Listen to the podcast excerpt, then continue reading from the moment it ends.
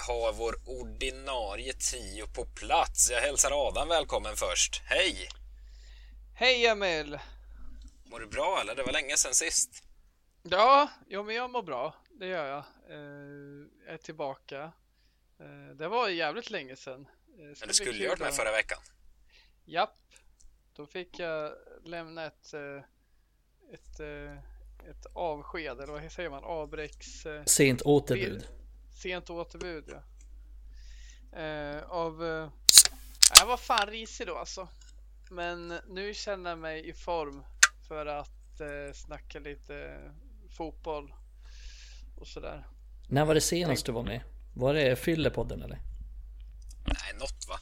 Nej, för fan, det var något innan det. Jag vet inte exakt vad vi snackade om då, men... Förmodligen samma det sak. Det var väl eh, något, något jävligt eh, e eländigt, vill jag minnas. Vi var antagligen inte positiva och glada då heller. Nej, det tror jag inte. Men det var ett tag sedan. Det låter inte som att det, vi skulle vara det. Nej. Nej jag, är, jag är ruggigt på krigsstigen. Min sambo tyckte inte att jag skulle spela in något avsnitt idag för jag har varit vansinnig efter att ha varit utan vatten i två dagar. Jag ja, men dra inte upp innan. det där igen. Fan, Nej, jag ska inte dra hela. Ja, men man är ju upprörd när man inte haft vatten i, i lägenheten på två dygn och informationen är noll och ingenting och ingen verkar bry sig. Blir man lite men trött. Men hur är du när du hur är du när du liksom blir arg? För jag har ju aldrig sett dig riktigt arg sådär. Är du som en, om du, är, om du får beskriva dig som en hund, vilken hundsort är du då? ja, men, alltså, är grejen... du som en liten papillon som bara skriker, skriker, skriker? Eller Nej, kommer alltså... du med så här jobbig, jobbig argument och ja, djävulens advokat och pissa på dem mentalt? Nej, gapar och skriker gör jag nog aldrig. Jag är mer, eh, mer eh, vidrig på ja. något sätt. Jag vet inte lite småvidrig, lite dryg blir jag nog. Ja. jag, jag läste på. Twitter, du hade ju skrivit till dem på deras Facebook-forum eller? Nej, nej inte på deras, så illa var det inte. Det finns någon Facebookgrupp för fastigheten jag bor i. Det var där jag var tvungen Var det den här gruppen Vi som hatar eh, privata fastighetsägare eller? Det ja, exakt. Ja. Precis den var det.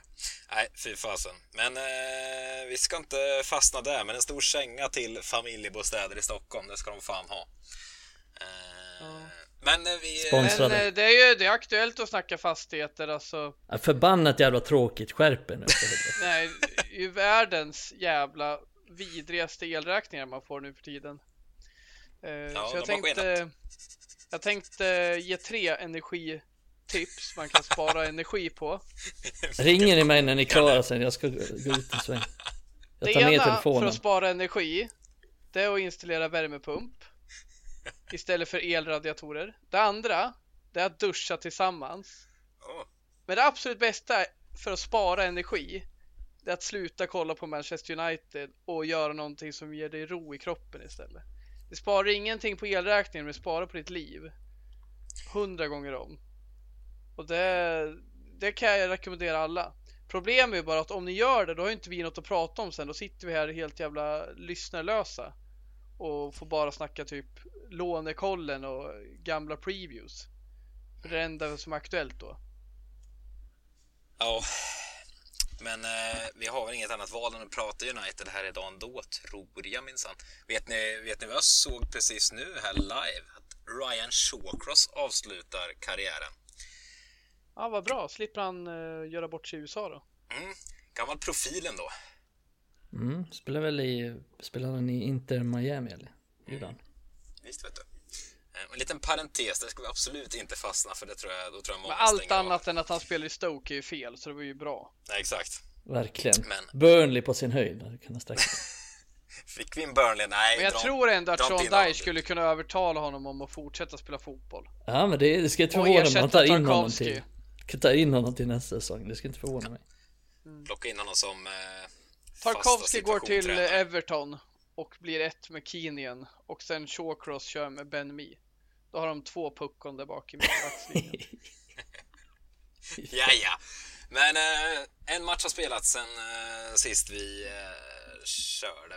Ja, blev lite osäker. Nej, det har ju varit ont om matcher här nu. Eh, Aston Villa slog i FA-cupen 1-0. Eh, något som fastnade direkt var ju att eh, vidriga Steven Gerrard ramlade in på Old Trafford och lite hånfullt leende mot Stratford End så det nästan ut att vara va? Men det kan han ju ha. Fan visst kokade jag. Det är sällan jag blir arg som sagt var, men det kanske hade med vattenincidenten igår också. Men bara kokade när jag såg Steven Gerrard. Det är en spelare jag har så jävla svårt för. Jag har svårt att hata spelare individuellt sådär bara, men fan usch. Jag, jag har så här två känslor med honom någonstans som du också avskyr honom verkligen, men samtidigt också så här lite att jag, jag liksom ler och, och liksom hån. Ja, men det, det är en sån fjant att jag har liksom spelare jag hatar som jag varit rädd för riktigt. Jag har aldrig varit rädd för honom. Jag har haft spelare jag haft riktigt jobbigt under, inte långa perioder, men några perioder tyckte jag typ att Drogba var riktigt otäck. Eh, jag tyckte Torres var jobbig att möta för vi hade världens bästa back, men han hade problem mot Torres. Men, men Gerard, en jävla fjant och jag tycker så här, hur fan att du går in med ditt lag som nyligen har mött Liverpool och säger att du är proffs och allting, men så går du in på Old Trafford och vänder dig om och leker Allan i dalen. Vem fan är du? Alltså, han har ju tappat redan där. Han har ju typ glömt att de ska nu gör de visserligen en, en match då, men alltså det, jag tror fan hans jävla fokus, det handlar om han själv och det har det alltid handlat om i hela, hela hans karriär och där satte han ribban för sin Liverpool-karriär också. Det var fan viktigare att United förlorade än att Liverpool vann. Spelar inte Tuan så... Sebe heller för att han är Exakt, och det där, du vet när jag läste det där ryktet tänkte jag så här, hade det här varit eh, Jamie Carragher eller Dirk Kaut eller något så här, då hade jag bara, nej fan vad är det för dumheter, vad snackar Toran Sebes bror om? Men i det här fallet, det skulle inte förvåna mig ett dugg. För jag säger det, när Gerard såg till att Liverpool, han gjorde en jävla soptabbe så gjorde att Drogba gjorde mål någon gång, då såg jag till att Chelsea vann, jag tror det var 2010. Den det var, var så jävla Nej, det var ju det var ju då han snubblade och då var ju... Mm. Han gjorde ingen... fler menar du? Men det var en säsong när Chelsea vann. Just det. När Gerard gjorde en riktigt dålig grej. Skitsamma. Hemåtpassning va?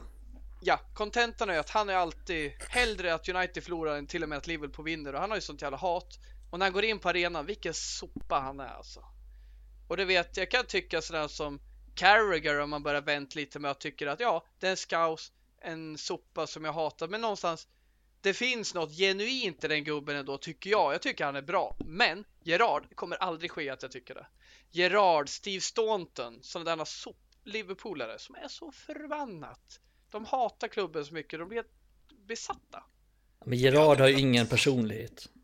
Nej. Han är bara helt tom. Helt tom. Jag tror, han har inte en enda åsikt i sitt huvud förutom att han hatar United. Och älskar Liverpool. Ingen, ingen annan åsikt. Helt tom är han bara. Ja, men han är så här, Men jag, han är en spelare, alltså så här, de du tog upp där Adam, Drogba, Torres, man kan fortsätta så här, Lampard, alltså sådana profiler är ju sådana man ändå hade velat ha i sitt lag om liksom alla tidigare klubbtillhörigheter var utsuddade och så vidare. Men Gerard har alltid känts, nej, jag skulle fan inte vilja ha den jävla... Jag vet inte, det känns ingen som... Nej. Eh, jag skulle inte vilja ha honom fast Liverpool avgudar honom som kapten och tyckte att han var så jävla bra. Men så jävla profil. Jag skulle, nej, jag skulle inte vilja se honom i, i United oavsett om, om han inte varit en Liverpool-gubbe så att säga från början. Han är, inte så, han, han, är inte så svårflörtad heller. Han har ju direkt Chelsea visade intresse så var ju på väg dit. Ja. Jag kan men... säga så här, jag har alltid hatat Chelsea och jag har hatat många spelare i Premier League av olika anledningar. Med typ ett spelare som, som Lampard som man kan jämföra i klass under hans tid aldrig varit nära på. Jag, tyck, jag föraktar honom för att det är en motståndarspelare, men liksom, han har ändå kunnat uppskattat för jag tycker den, det är en bra spelare som kanske inte är fläckfri, men liksom det finns inget att uppskatta hos Gerard. Jag kan inte, det folk bara, ja, men han är ju en fantastisk kapten. Jag vet inte fan om han är. Jag tycker han är jävligt överskattad. Han var en bra spelare, absolut. Men hade han varit så jävla bra, då hade han burit sitt lag bättre än vad... Jag ser bättre kapten än honom. Fan, Mikael Arteta var en bättre kapten än Everton. ja, nej, det ska inte fastna i Gerard. Han ska inte få mer tid i den här nej, Skönt att man kunde knäppa honom på näsan i bilden där eh, Mike Phelan stod och garvade och så såg man en samarbeten. Gerard är bland de bättre som snurrat uh, Phelan is back. Året. Är det en slump ja, att United Ja, men nu börjar ju Phelan skapa värde igen.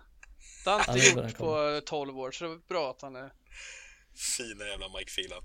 Men men, vad eh, tar med oss från matchen? Jag, om vi ska börja i någon ände så reagerar jag på att det var, det var en ny uppställning för Rangnick, någon form av 4-2-3-1 igen, eh, som vi var vana vid under Solskär och som väldigt många kritiserade. Vad, vad tänker ni kring det? Lite back to basic för honom eller var han detta?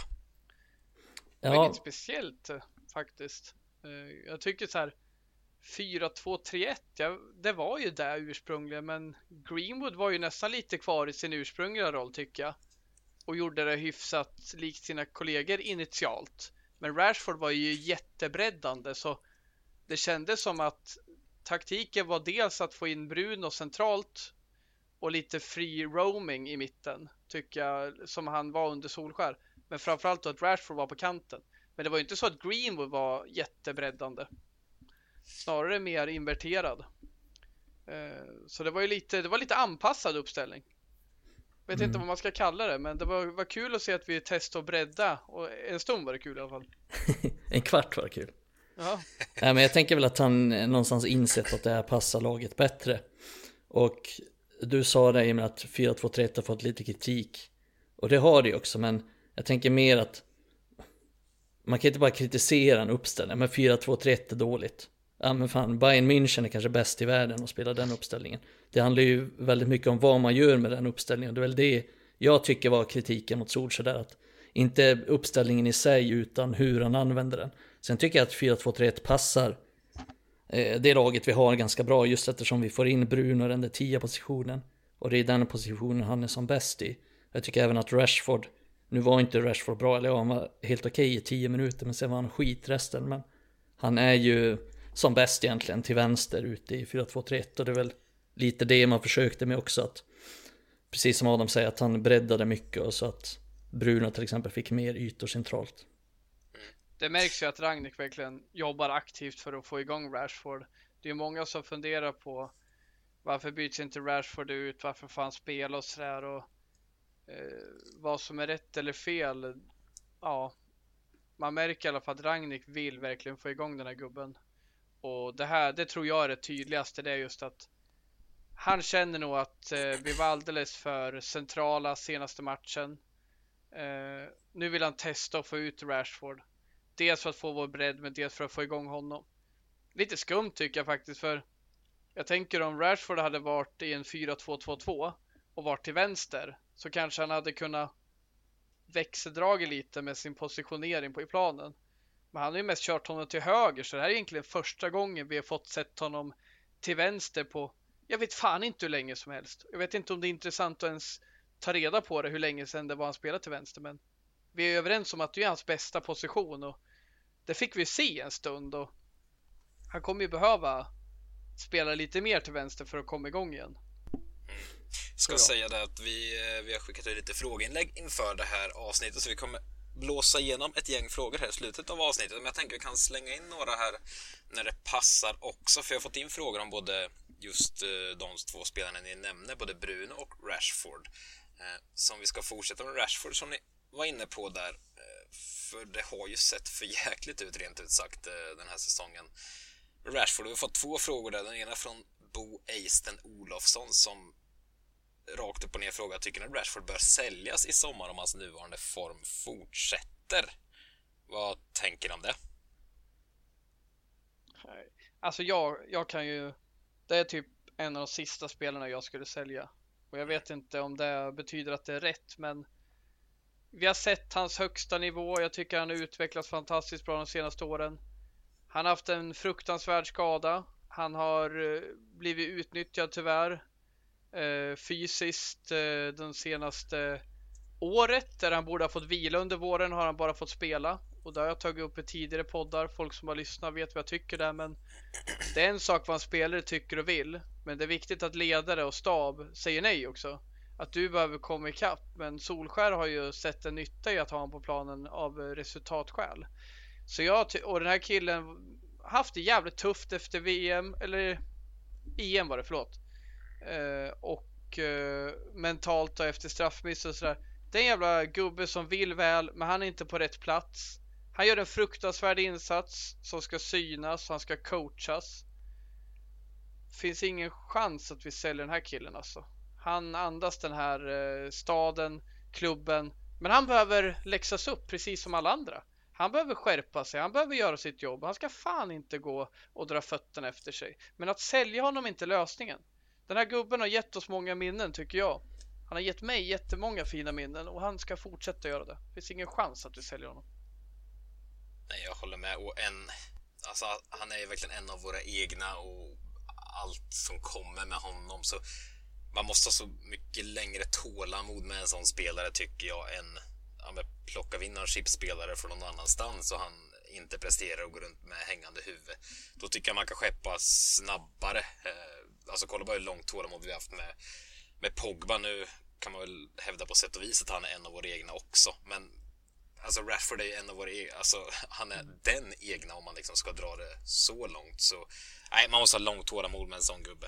Eh, ja, och samtidigt, eh, vi har egna gubbar som typ Brandon Williams som jag känner inte håller måttet i den här klubben och som nej. kanske bör titta någon annanstans. Även fast jag önskar att han skulle lyckas. Jag tycker det är en god gubbe. Jag tyckte han var jävligt bra ett tag. Men han är så här egen, men nej, han håller inte nivån tycker jag. Men Rashford håller absolut nivån. Han håller världsklassnivå när han är i form. Och det är där vi måste hitta tillbaka till. Vi måste satsa på den här gubben. Eh, instämmer. Och sen på lite samma tema, Simon Nilsson har skickat in och frågat att eh, de minuterna som Elanga fick spela mot Aston Villa såg riktigt pigga ut. Snackas om en utlåning, men med tanke på hur dåligt Rashford presterar kanske det är värt att ha kvar Elanga säsongen ut ändå. Tankar kring det? Ja, Måste bara flika in, det ryktas ju att han ska lånas ut till svenska landslaget. Gör det det? Ja. ja, det är bara Janne som ska peta Kiese först. ingen lyssnare förstod det här för vi tre pratade om det här innan vi började spela in. Ja, vi, vi, sluta snacka skit, vi snackar inte någonting alls innan vi spelar in. Vi trycker bara på den röda knappen och kör igång. Ja, det är sant Jag tar tillbaka. Nej, men jag tycker både Elanga och Amads namn kan man slänga in här också. Med formen Rashford visar och en del övriga spelare. Känns ju lurigt att låna ut båda, både Elanga och Amad här under våren, eller? Vad tycker ni? Jo, alltså jag tror inte Elanga lovas ut. Jag ser inga direkt trovärdiga rykten på att det ska ske heller. Alltså jag, jag har inte sett någon trovärdig källa som nämner det. Han får ju spela en hel del också. Ragnik har ju visat tycker jag att han att han tror på honom, att han slänger in honom i avgörande lägen och är en spelare liksom han kan slänga in för att förändra en matchbild. Och precis som han säger så gjorde han ju ett pikt inhopp också så jag, jag tror absolut han har med i Ragniks planer och kan till och med, jag skulle inte bli superförvånad, även om jag inte tror det, så skulle jag inte bli superförvånad om han startar redan på lördag mot Aston Villa, så att... Nej, men sen beror det lite på vad tanken är också. Om man har fyra som ska gå före honom, ja, då är det ju givetvis bättre att låna ut honom. Men är tanken att typ endast Rashford ska gå före honom, då ska han ju absolut vara kvar. Eh, egentligen så är jag ganska okej okay med båda delarna eftersom jag tycker att Elanga behöver få regelbunden speltid för att utvecklas. För han är lite som Rashford, att han, ja men lite med beslutsfattandet ibland, att det är lite si och så, lite si och så med touchen ibland. Så att jag tycker han behöver mogna i spelet lite innan han kan konkurrera på allvar om en startplats. Och det skulle han göra bra på lån, men jag är samtidigt spänd på att se honom göra de här inhoppen, för jag tycker att han visade ganska mycket redan senast nu mot Villa. För mig räcker det att jag såg Elanga vinka igång, veva igång publiken på Old Trafford igår. Det behövs inte mycket mer när man ser de här likgiltiga gubbarna på planen nu för tiden. Men, men. Eh, åter till Bruno tänker jag. Eh, Jocke Warneman har skickat in. Vad har egentligen hänt med Bruno? Jobbar hårt men gör ju betydligt mindre poäng numera. Skott och passningar är inte lika vassa som förra säsongen. Hur skulle Ragnhild kunna ställa upp laget för att optimera för Bruno? Det har väl varit inne på förr att eh, 4-2-3-1 passar honom när han får ligga som som tia positionen så att säga. Men vad, vad tänker ni överlag kring Bruno? Vad, är det oroande eller tror ni att det bara är en formsvacka? Jag tycker det är ganska oroande för att eh, nu när Agnika använt det 4-2-2-2 så har han spelat längre ner i planen vilket har gjort att han inte kommer fram lika ofta. Så han kommer inte fram i lika många målchanser eller ytor där han kan slå farliga instick eller avgörande passningar. Och det säger sig själv. Om man spelar längre från målet kommer man göra färre mål. Eh, jag tycker Bruno är världsklass som tia. Men jag tycker inte han är världsklass i nästan någon annan position. Och det är ju ett problem om man inte spelar 4-2-3-1. Eller kanske om man kan spela typ falsk nia i 4-3-3 eller möjligen som en av anfallarna i 4-2-2-2. Men enligt mig är han ingen mittfältare, alltså ingen mittfältare på något sätt. Han är en anfallare eller en liksom andra striker. En tia som kan, som, han är bra på att göra de avgörande grejerna men, men i själva spelet så är han inte särskilt bra på något sätt. Han är ingen, han är, han är liksom ingen bollvinnare eller en särskilt bra passningsspelare som håller bollen inom laget eller som är, som är bra på det sättet utan han är ju bra på de här grejerna att göra mål, slå den sista passningen och sen kommer han misslyckas mycket med det också. Och det är ju ett problem eftersom Ragnik vill ha kontroll i sitt lag. Han vill inte ha spelare som ger bort bollen på mittfältet hela tiden. Och det är ju tyvärr Bruno Fernandes. Och sen visst, alltså han jobbar hårt men jag kollade lite på matchen nu igår i efterhand också att han jobbar hårt men oftast helt i onödan. Han springer som en som är ett jävla jehu i pressspelet men, men oftast mest på måfå, hans egen, efter hans eget tycke liksom. Han kan, han kan dra en 40 meters löpning och pressa målvakten trots att det är helt givet att han ska bli bortspelad. Så visst, han jobbar hårt men han gör den typen av grejer så att jag tycker att han, bo, han behöver anpassa sig för att han ska ha för att han ska göra större nytta med en annan tränare tror jag. För att han var, han var liksom skräddarsydd efter Oles 4-2-3-1. Och det är enligt mig den positionen han kommer funka bäst i. Det finns ju stort utrymme där för coachning av Bruno. Eh, dels i värdera om man nu ska ha mer strukturerad roll än han hade under Solskär. Värdera när han ska slå passningar men även när han ska pressa. Jag tycker han har fått gjort precis som han vill med Ole och det funkar ju jävligt bra för lagen liksom. Medan det finns annat vi måste jobba med. Men, men jag tycker typ, det är inget puck och han kommer ju lära sig att pressa.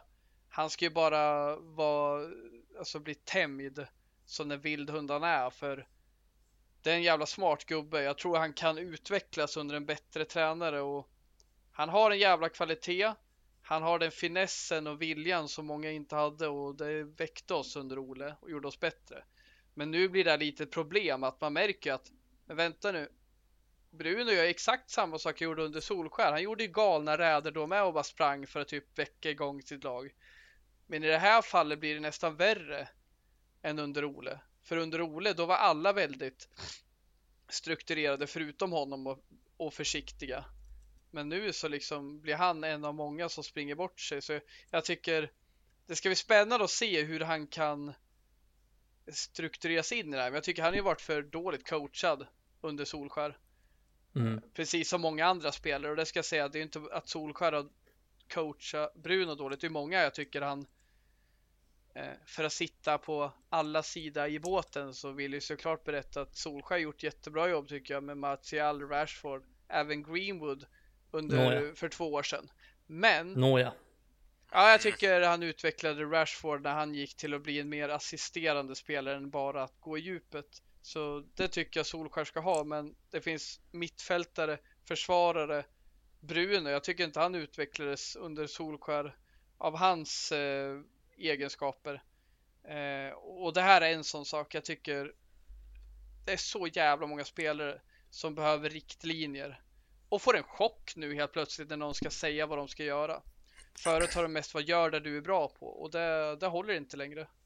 Det Nej. håller ju inte att alla ska pressa, men Bruno ska pressa när han vill. Och Ronaldo pressar inte alls när någon vill. Det kommer ta tid. Men mm. jag tror typ att Bruno är, fan vad han är mitt minsta problem. Alltså. Jag jag är orolig för att jag tror att Ronaldo, även taktiken påverkar honom dåligt just nu.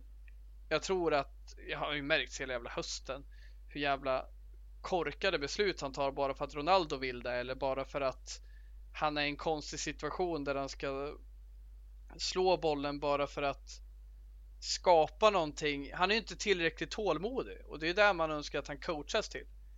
Slå inte mm. bara hela jävla tiden. Det älskar man under Solskär, för då hade vi ingen kreativitet. Men nu, för fan, vi har, vi har ju kvalitet offensivt. Vi behöver inte bara slå den så fort vi får bollen. Så, så där känner jag med Bruno jävligt spännande vad man kan coacha honom till med Ragnik eller någon efter. Vi är inte ett dugg orolig för honom faktiskt. Men det är oroande hur dåligt han har varit, absolut. Så ska vi prata så. Men liksom Bruno, en världsklasspelare. Det liksom finns, vi kan tvivla på om Maguire kommer bli en bra spelare om eh, vi kan tvivla på Dalot, vi kan tvivla på McTominay. Men Bruno liksom. Fy fan vilken repertoar han har. Jag är ju inte, jag är inte enig med Mikael där om vad ska jag säga, nivån av kritik Mikael ger till Bruno. Men jag håller med om att han inte är en komplett spelare. Han är, om vi, vi snackade nyss om Lampard, jag tyckte han var en komplett spelare. Men han var också viktig för Chelsea då under den tiden för han han var med uppåt och neråt och han kunde göra mål. Han var viktig för deras målproduktion och deras eh, assistproduktion. Det är Bruno med. Men han är ingen bärande spelare i vårt pressspel. Han är ingen bärande spelare för att vinna tillbaka bollen. Han är ingen fantastisk passiv spelare. Men jag tycker väl att ah, jag vet inte om det ens är någonting att nämna i det här sammanhanget. Att han eh, eh är dålig i sitt passivspel. Jag vet inte om det är det som är hans problem. Jag tror mer pressspelet tyckte jag var väldigt bra att du tog upp. Den tycker jag under all kritik vad han bara kör för sig själv. Och helt enligt Oles eh, och Filan och McKenna och Carricks eh, instruktioner. Gör det du kan Bruno. Du är med Ronaldo, gör det du kan. Men jag, jag är lite oroad att alltså, Bruno levererade så extremt mycket både mål och assist här, eh, alltså, i, sen han kom egentligen. Och jag tror det är liksom ingen rättvis måttstock att fortsätta använda för det var en överprestation det som kom ut rent på poängprotokollet. Det går liksom inte att fortsätta räkna med att det ska ske och någonstans ska det inte behövas eh, producera så mycket från, från en... Det är jättebra om det gör det såklart men alltså för ett välmående lag skulle de poängen behöva spridas ut om ni förstår vad jag menar. Mm.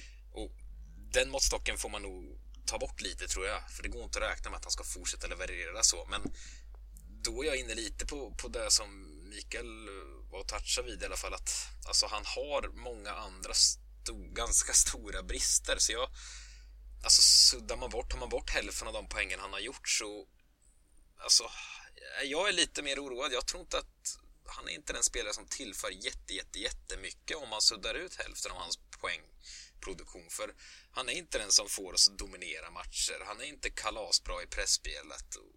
Ja, så jag vet inte, jag är lite oroad mer än, mer än vad du är Adam i alla fall. Över, ja, det är nog jag också. Om vi tänker så här, hade Pepe Guardiola velat ha honom i laget? Jag är fan tveksam. Absolut inte, tror inte jag. Ja, jag, jag tror nog fan han skulle kunna ha Bruno i laget, absolut. Nej, jag tror inte det. Jag tror Bruno i ett välfungerande lag hade levererat mer. Men det är såklart oroande för man vill att en sån här bärande spelare ska bära oss och få oss att, även fast vi är dåliga, vinna med 1-0 varje match i alla fall och sätta någon frispark här och nicka in någon boll där och Men alltså- assistera någon boll där. Men jag känner så här, jag tycker hela vårt lag har gett upp Solskär under hösten.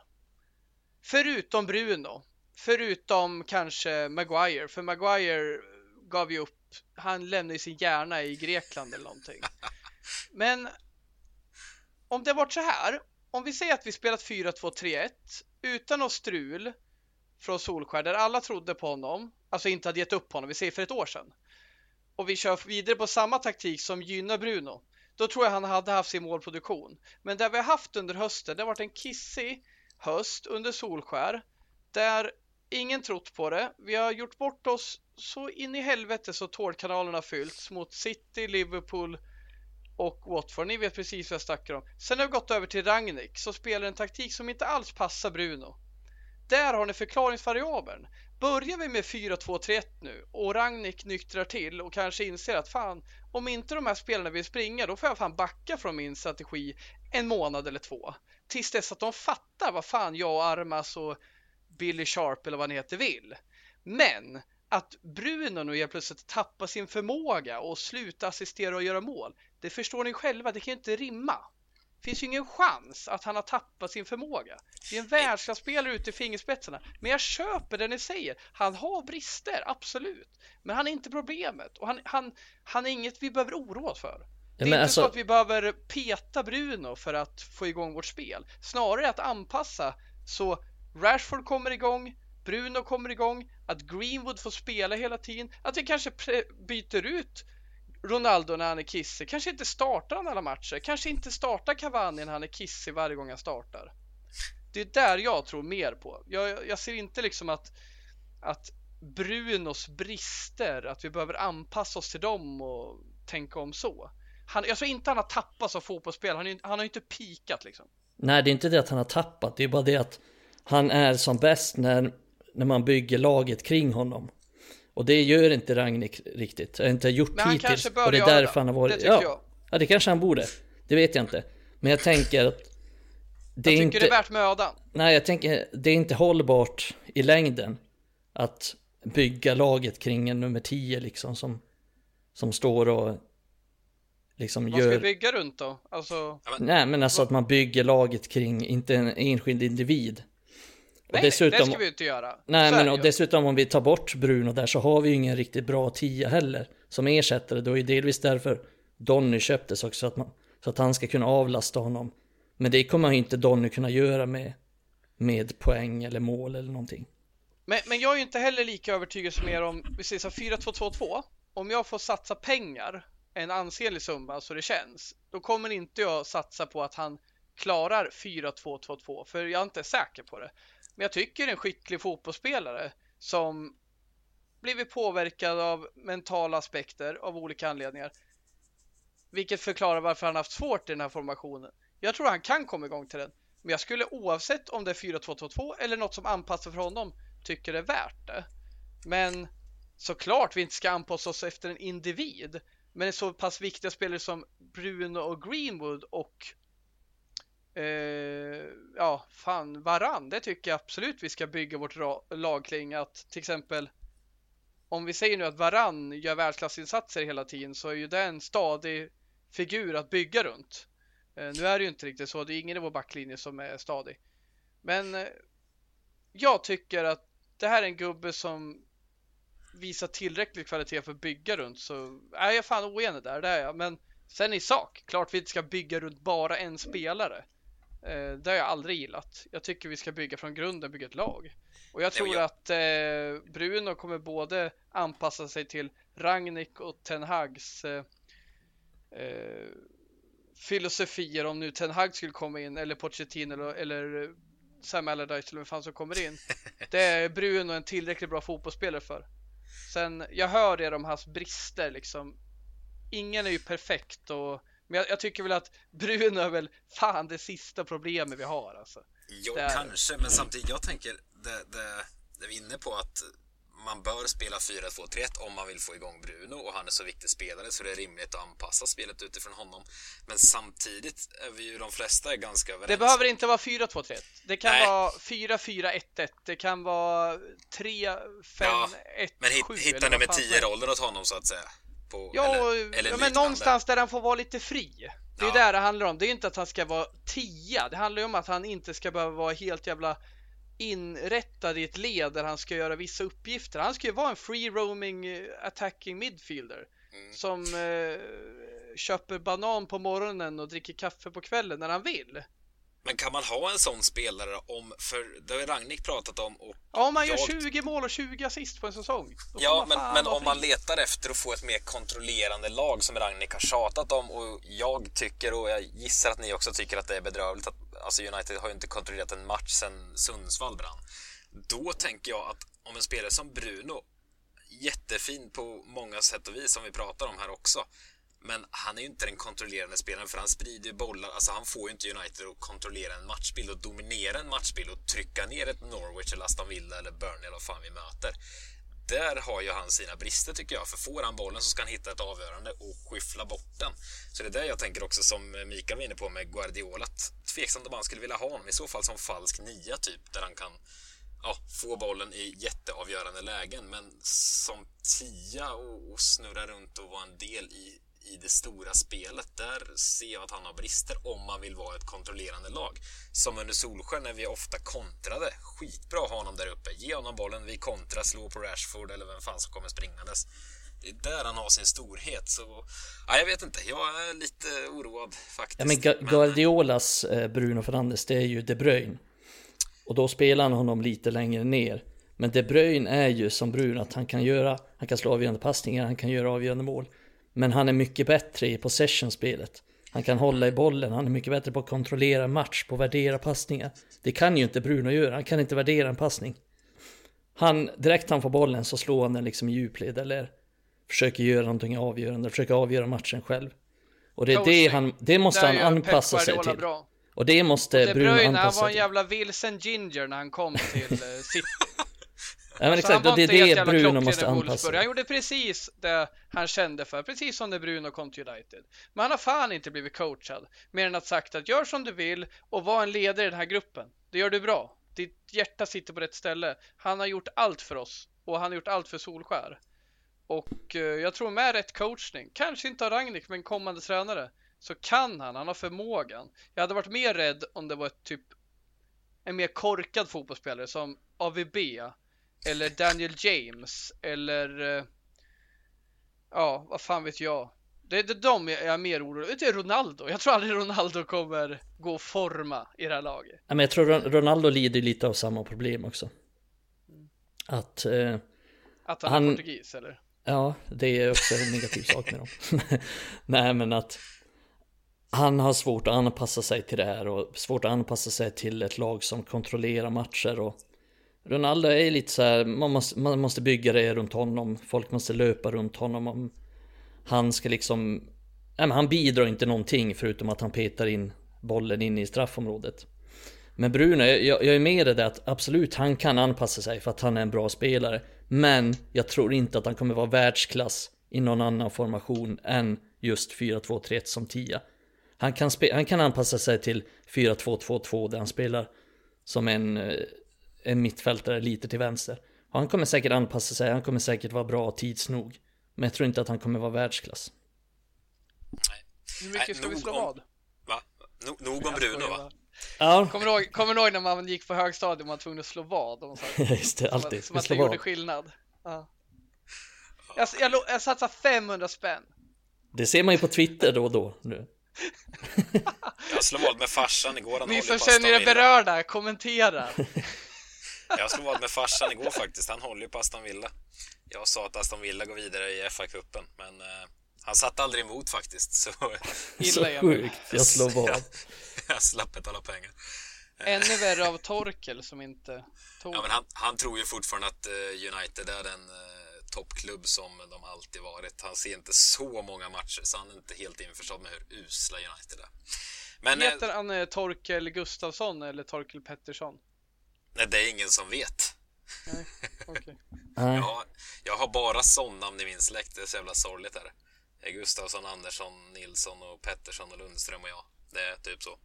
Men det känns ju någonstans röst, som att... Och en röstsedel på Sverigedemokraterna. Nej, inte för mig. Jag nu blev Emil obekväm så fan. Nej, Kristoffer, klipp, det klipp. det kan jag stå för. Övrig släkt har noll ansvar över. Nej, men United påminner lite om... Alltså, de behöver gå tillbaka till grunderna liksom. Det är ju det som är problemet med det här laget just nu alltså. Mm. Att det finns liksom inga grunder för någonting och Bruno Fernandes jag ska bara säga en sista sak om Bruno Fernandes. Och han måste ju någonstans också anpassa sig till det. Liksom ta ett djupt andetag, håll i bollen lite. Eh, United påminner faktiskt lite om när jag började spela A-lagsfotboll. Jag var väl 16-17 kanske något då. Oh, talang! och spelade division 5.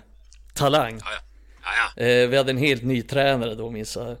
Eh, som kom från Dalarna. Man kan säga att han inte var så imponerad över vår tekniska förmåga. Eh, så vi tränade bara på att slå långbollar över backlinjen. Då vi hade ganska snabba anfallare. Så var det en träning där vi skulle träna på det och så spelade vi ut på kanten och skulle slå, någon slå en boll över backlinjen. Men så fastnade den liksom på försvararna varje gång. Så till slut blev han liksom så här förbannad. Han bara Men slå bollen över backlinjen, hur svårt det är det? Hur fan dressera en apa och göra det här? Jag tyckte även vi gjorde det onödigt krångligt på fasta situationer. Eh, så var det någon match där som han sa bara. Eh, när vi låg under där. Med några få minuter kvar bara. Men hur svårt det är, slå in bollen i boxen och så nickar någon in den. Det är inte så jävla komplicerat. Till historien hör också att han var typ 45 bast. Så bytte han in sig själv i någon match och så Kommer att vi låg under med ett mål tror jag. Just på slutet. Sen gick han in två hörnor. Jävla legend. Kan det Fan vad det här sätter ska... respekten. Man älskar ju sådana här coachningar från eh, division 7 till 5 tränare. Ja, det är så jävla kul att byta in sig själv, nicka in två bollar. Ska också kan säga så att han... att plocka in istället för Eric Ramsey. Ja, men han skulle man plocka in. Ska också ja. säga så att han jobbade som präst. Vilket gjorde allting så mycket roligare också. En karaktär som man säger. Nej men det var ju, jag tror vi vann serien det året och förlorade inte en enda match trots att vi var pissusla. Så det är kanske den taktiken Ragnik ska köra på. Har man talanglösa spelare då måste man spela enkelt. Nej men om vi ska boll. dra skämt åsido i det där du snackar om så uh, faktiskt gå tillbaka då att ja men får han inte spelarna att fatta just nu så gör något som blir något ordentligt. Så, för, för just nu blir det varken hackat eller malet när han vill pressa, köra rakt, men sen fattar ingen eh, filosofin och det kanske behöver, det blir så jävla kontrast mot det vi haft innan mm. eh, till nu, så det kanske är värt att andas in några veckor, få träna ihop sig och sen aktivera planen, för jag känner mot mot Newcastle tyckte jag vi körde jävligt eh, rakt och då straffades vi av att vi blev kontrade hela tiden. Vi fick aldrig ner bollen. Sen mot Wolves då blev vi lite mer försiktiga tyckte jag och det tyckte jag min upplevelse var att Wolves ägde den situationen genom att stressa sönder våra mittfältare som hade mycket mer tid med bollen än de hade mot Newcastle. Och nu vet jag inte exakt vad det var. Jag tyckte att vårt rakare spel funkade initialt och sen eh, föll vi in i lite trygghet när vi gjorde mål. Men det jag vill komma till, ja, jag håller med Mikael där i din eh, jämförelse med Pajala på eh, 2007 att eh, fan, gå tillbaka till det vi, vi, vi vet att vi kan. Andas i tre veckor för, för eh, jag skulle kunna tänka mig nu att vi har några enklare matcher kvar och kunna köra ett mer basic-spel men sen gå tillbaka till att testa lite mer högre press mot bättre lag. För vi, det är intressant, vi kanske kan komma in på det sen mer men vi har ju nästan bara mött lag som vi ska vinna mot. Och mm. det är väl inte kanske där exakt som den här höga pressen får ut sin maximala effekt. Eh, vi säger att vi möter Arsenal borta som vill hålla mycket boll. Då tror jag ju mer på ett pressspel och där vi kan kontra. Där vi ska på korta på en kort eh, period ställa om från försvar till anfall än mot Wolves, Burnley och Eh, Newcastle. Ja, men nu har vi ju typ fem, vi har ju typ fem olika filosofier samtidigt och ändras från match till match och från ja. halvlek till halvlek och, och jag känner bara att det blir en stor jävla röra nu. De hade behövt Rasmus, höra det. Eh, Rasmus skrev i vår interna chatt att undrar om det blir rotation, eh, vilket alltid inför Aston Villa i kuppen då och det är alltid en relevant fråga inför kuppen. Sen satt jag och tänkte så här. Men rotation lär det ju bli. Vi var ju kassa sist och vadå? Så här, vad är rotation idag? Alltså rotation var ju tydligt när Ole körde fem raka matcher med samma elva då när Pogba och Matic var bra centralt. Mm. Då var det rotation till slut. Men nu, det är rotation varje match. Vad är bästa elvan? Vad är ja, sämsta nu, elvan? Nu vet man inte, spelaren? exakt, men nu vet man inte vilka han gillar bäst och vilka han vad är hans liksom bästa elva? Det är, det är ingen som Nej. vet och det vet inte han själv heller och det är ju ett problem Merkin skrev det, jag tror att Ragnik kör sin bästa elva, eller han kör den bästa elvan. Och då blir jag också så här, vad är det? Vad är den bästa elvan? Och det höll jag med liksom. Han, han kunde inte svara på, vad är den bästa elvan? Vi har våra bästa spelare, men vi kan inte säga att de är bäst liksom. Nej, de hade behövt, behövt eh, prästen som tränare. ja, men vad, vad tänker ni, alltså igår mot Villa, det var mycket som så väldigt illa ut igen. Men jag tyckte ändå, bara för att hitta något positivt, jag skrev det i mina tre tankar också, att jag tyckte ändå att det fanns eh, den här likgiltigheten som vi sett senaste tiden, den var inte li riktigt lika påtaglig. Det var Rashford, typ, som jag kände inte ville vara där. Eh, men vad Amen. tänker ni om det? Är helt snett på det, eller känner ni också Nej. att de var ja. lite mer ändå bröstet ut igår, även om de var ganska dåliga fotbollsspelare? Jag, jag, jag, jag, tycker du är spot on där Emil och eh, jag är väl inte lika förvånad som dig. Jag tycker väl det är väl en klassisk väckarklocka efter en förlust där, där Ragnik nu ska komma in som en god skubbe med sköna idéer och eh, framtidstro. Vi gör en del bra matcher, vi förlorar inte, förlorar inte. Sen förlorar vi. Och då liksom måste han liksom sträcka upp de här gubbarna. Och du där, fan. Börja springa. Och du, eh, dina, alltså det har varit jävligt mycket personlig coachning och snacka med alla gubbar här. Och det har ju varit en, det har ju varit en jävla reaktion att fan, skärp er nu. Fansen är ju galna. Vi gjorde världens sämsta match mot Bulls. Däremot, det jag vill ta ner Emil, och jag gillar att du tar upp positiva grejer. Gillar du positiv, då vet man att du är människa. Det är Men jag är ju rädd att jag kommer tillbaka om fyra matcher igen, för vi har ju en försurnad trupp som liksom det här är ju inte något man löser på en månad. Vi skulle behöva en månads vila där vi åker iväg på på en jävla hike-semester med gubbarna och de får känna och, och klämma och lukta på varandra och bli vänner på riktigt. Där Maguire och Ronaldo tittar på varandra. Att, kan vi göra det här för varandra? Eller ska vi sitta och snacka skit och kan vara i grupper? Kan vi inte åka till prästen i Dalarna? Ja, mm. kanske åka ut med honom. Ja, jävla bra stämning. är det, säger han. Jävla bra, är det? bra stämning i laget med, med han, i, han som tränare kan jag säga. Ja, och eh, jag läste ju rykten där om att Filen skulle ha en roll i att eh, försöka få igång eh, eh, stämningen. Eh, och jag tror fan det är jätteviktigt just nu. Och på din fråga där Emil, det märktes eh, att eh, det märktes att det blev eh, bättre. Men jag tror att det är så jävla sur stämning med spelare som vill dra. Så någonstans mitten på februari kanske det är bra. Men just nu, de måste göra sig av med de här spelarna som försurar. Om det är Donny eller Martial eller Lingard eller Henderson, skitsamma. Bort med dem fort. Vill inte se skiten. Jag vill inte se någon Sälj dem eller låna ut dem så vi slipper och kan gå vidare. Jag tycker inte generellt spontant tycker jag det är ett misslyckande att låna ut ett spel vi borde kunna sälja. Men om det innebär att vi får igång lite tro igen, få bort de här skitspelarna. För det är inte bara de som är på planen som går att beskylla, det är hela truppen. Det är folk som snackar skit och som ställer till och skvallrar till pressen och är rena jävla fitter i den här klubben. De ska väck. Så, mm. Men det var ju skönt att se att det ändå fanns någon tro att vi inte bara packar ihop och drar och hoppar ner på tionde plats när säsongen är klar. Det ja, finns men... ju någonting där Emil och det tyckte du gjorde bra i dina tankar att ta upp det att det är fan någonting i alla fall. Jag tror någonstans det handlar också om tryggheten att han spelade med ett spelsystem som de är ganska som de är ganska införstådda med och spelat förut. Och, och, och det kan ju ha gjort någonting. Alltså, alltså, att man spelar med ett system som de är trygga med. Eh, en fara med ett nytt system tidigt är ju att de vet inte riktigt vad de ska göra av bollen och därför tar allting extra lång tid. Och jag tror ju någonstans ändå inte att spelarna är likgiltiga inför det här. Alltså de som går ut på planen, de vill ändå visa någonting, de vill ändå vinna, de vill ändå liksom göra det här tillsammans. Men det är en kombination av många saker, som till exempel lågt självförtroende. Men också en tro tror jag på att de tror att de är bättre än vad de är. Att de inte behöver göra det här jobbet.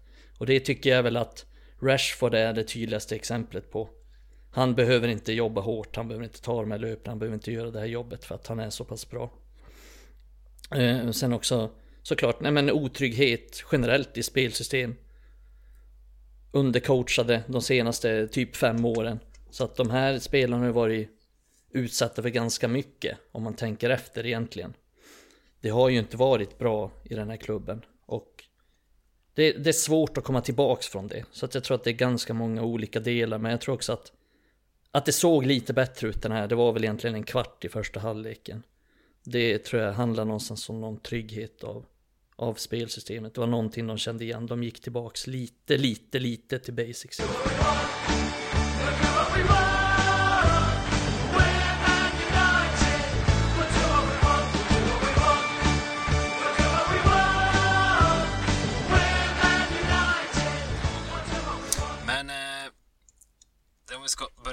Igenom våra frågor lite som har ramlat in här och jag hade faktiskt en fråga först som en annan också ställde lite samma. Jag funderar lite över det här. Har vi börjat? Är vi igång eller? Ja, ja, nu är vi igång så det bara sjunger om det här nu. Okej. Okay. okay. Sluta nu. Nu kör vi. Eh, men tänker ni, kan det vara ett problem med att en person får så stort mandat? Och då tänker jag Ragnik här nu. Och, alltså han har plockats in och ska liksom vara räddaren i, i, i hela det här haveriet som vi hamnat i. Och där har även Fredrik Johansson skickat in hur mycket mandat och ansvar kommer Ragnik få att rensa och forma om i truppen i sommar. Han ska bli sportchef, vi har nytillträdd VD och ännu ingen tränare för kommande säsong samt att han eh, kan skapa sig en bra bild om vad som är ett problem i dagens trupp. Alltså, dels tror ni att han kommer... Alltså, det känns som han kräver mycket insyn och det ska han väl också ha, men förstår ni min farhåga? Kan det vara så att han får för mycket mandat? Eller bör han ha fullt mandat och bara få göra vad fasen han vill? Här? Vad, vad tänker ni och tycker?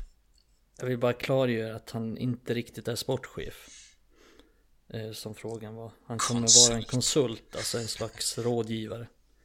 Eh, den som, närmast kan, ja, men den som närmast kan kallas vara sportchef är väl John Murtog i så fall och delvis Darren Fletcher. Men, men Murtog älskar ju Ragnik och var den som ville få in honom. Så att jag tror Ragnik kan få en hel del att säga till om.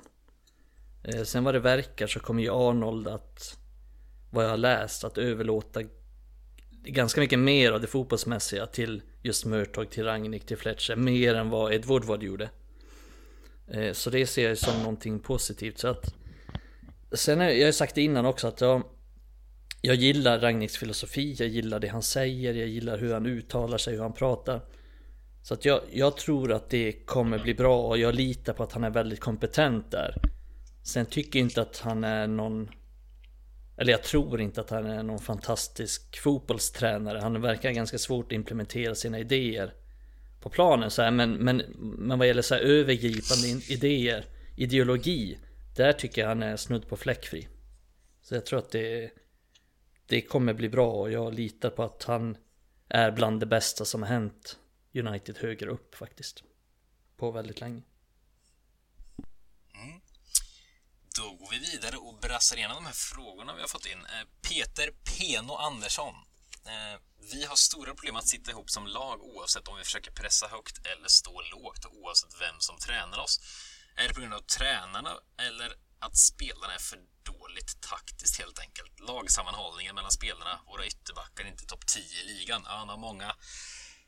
Peter där har många teorier om vad problemet är, men vad tänker ni kring att, att vi har problem att sitta ihop som lag och, och pressen har varit bedrövlig senaste åren oavsett vem som har tränat?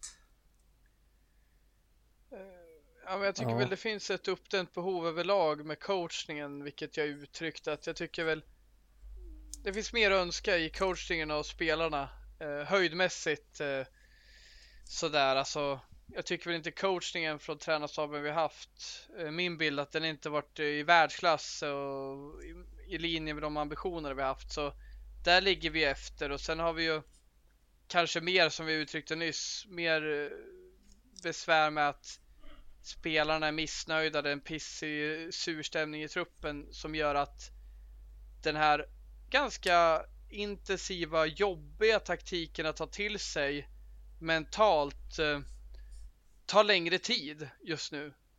Jag tror att hade alla varit glada och engagerade och intresserade så tror jag att det här hade sett bättre ut eh, tidigt.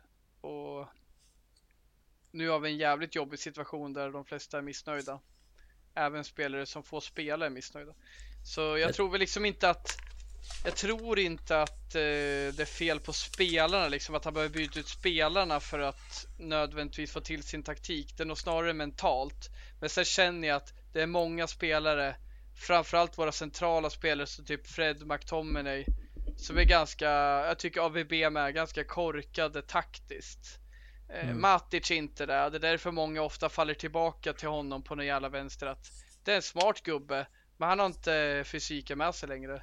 Men jag tycker att Fred, McTominay, AVB, Rashford, det är inga taktiska, taktiskt skolade genier, det är det inte.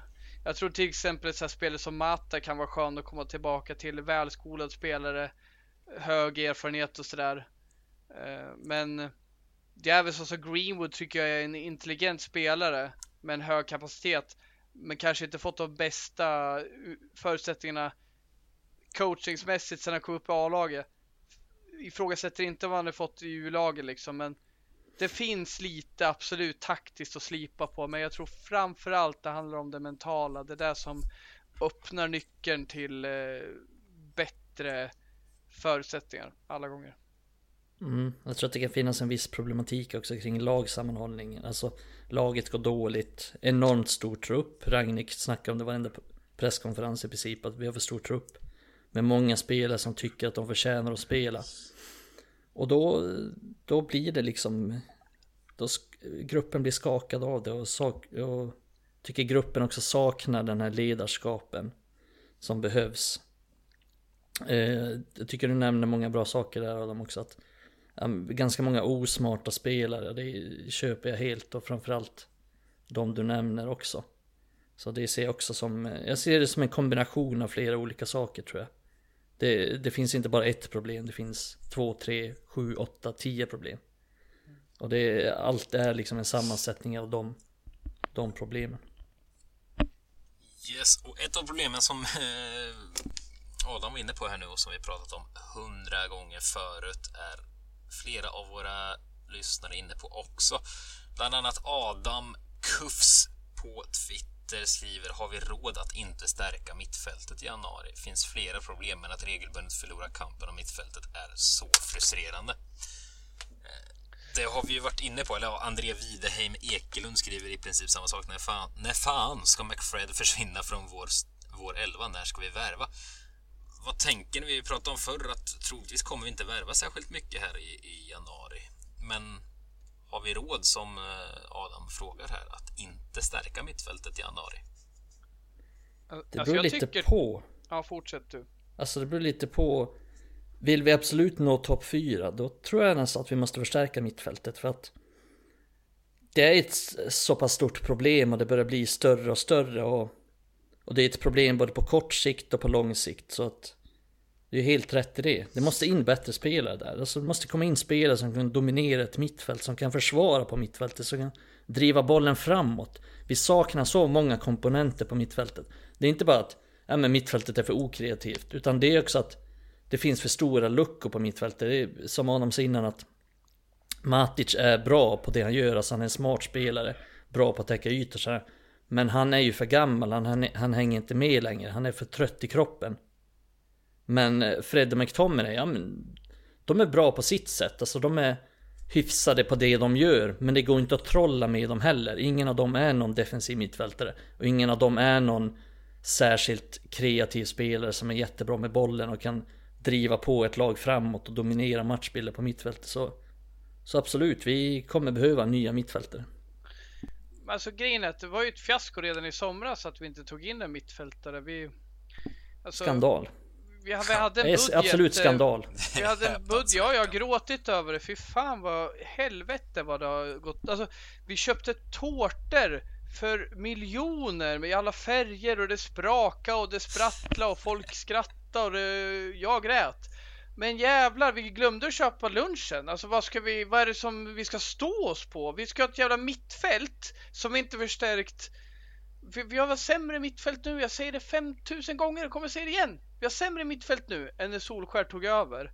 Och det handlar ju liksom, det är ju inte mycket vi behöver göra. Det är ju bara en spelare, en stabil, taktiskt skicklig spelare. Gärna med lite fot också.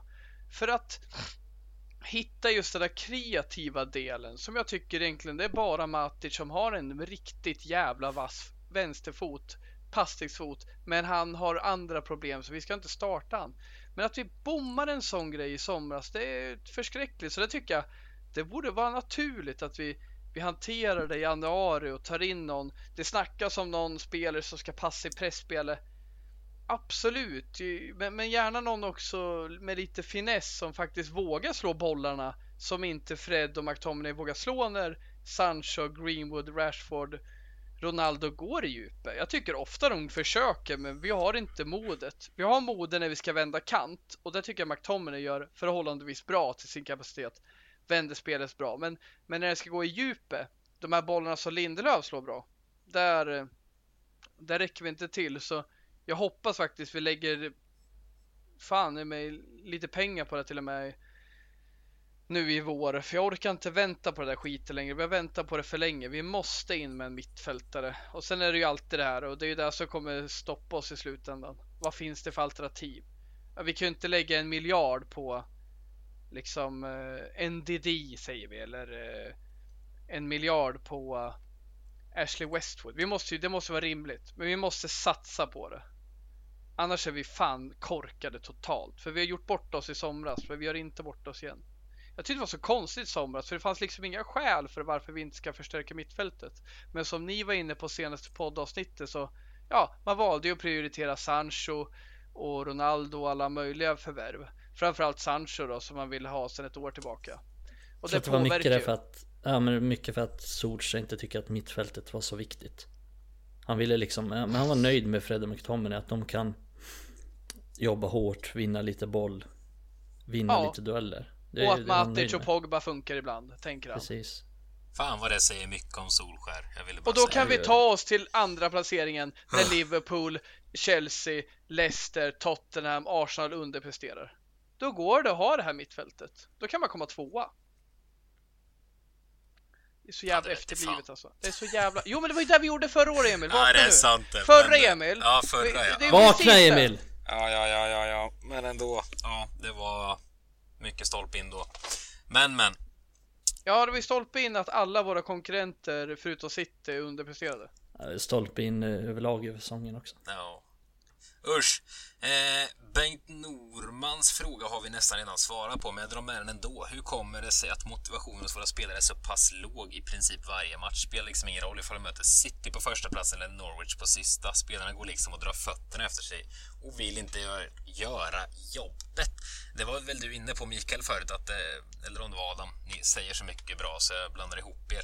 Men att eh, det lär väl inte vara motivationsbrist i grund och botten, men allt har blivit en så mörk spiral. Man trodde inte på Solskjaer, man trodde inte på sig själv. Spelare har inte fått chansen för fem öre och truppen är för stor och sen har allt blivit en negativ spiral. Sen kommer in en galen tysk och ska hitta på världens dunder taktiska grejer här när han ska vara ett halvår. Nej, det är nog många bäckar små där också. Jag vill bara dra en eh, personlig eh, referens till det där som jag upplevt i mitt yrkesliv att på hans fråga just att eh, vad jag upplever många kan vara så här att ah, det finns väl ingen ursäkt. Telles är sur och eh, Donny är sur, men varför påverkar det här laget som spelare? Det är de vi ska skälla på. Det är de som är problemet, inte Martial. Han är inte med. Men liksom, det funkar ju så i psykologi att om folk sprider missnöje, det blir som en sorts manipulation att även fast Greenwood och Rashford vill väl för klubben, älskar klubben och McTominay gör det och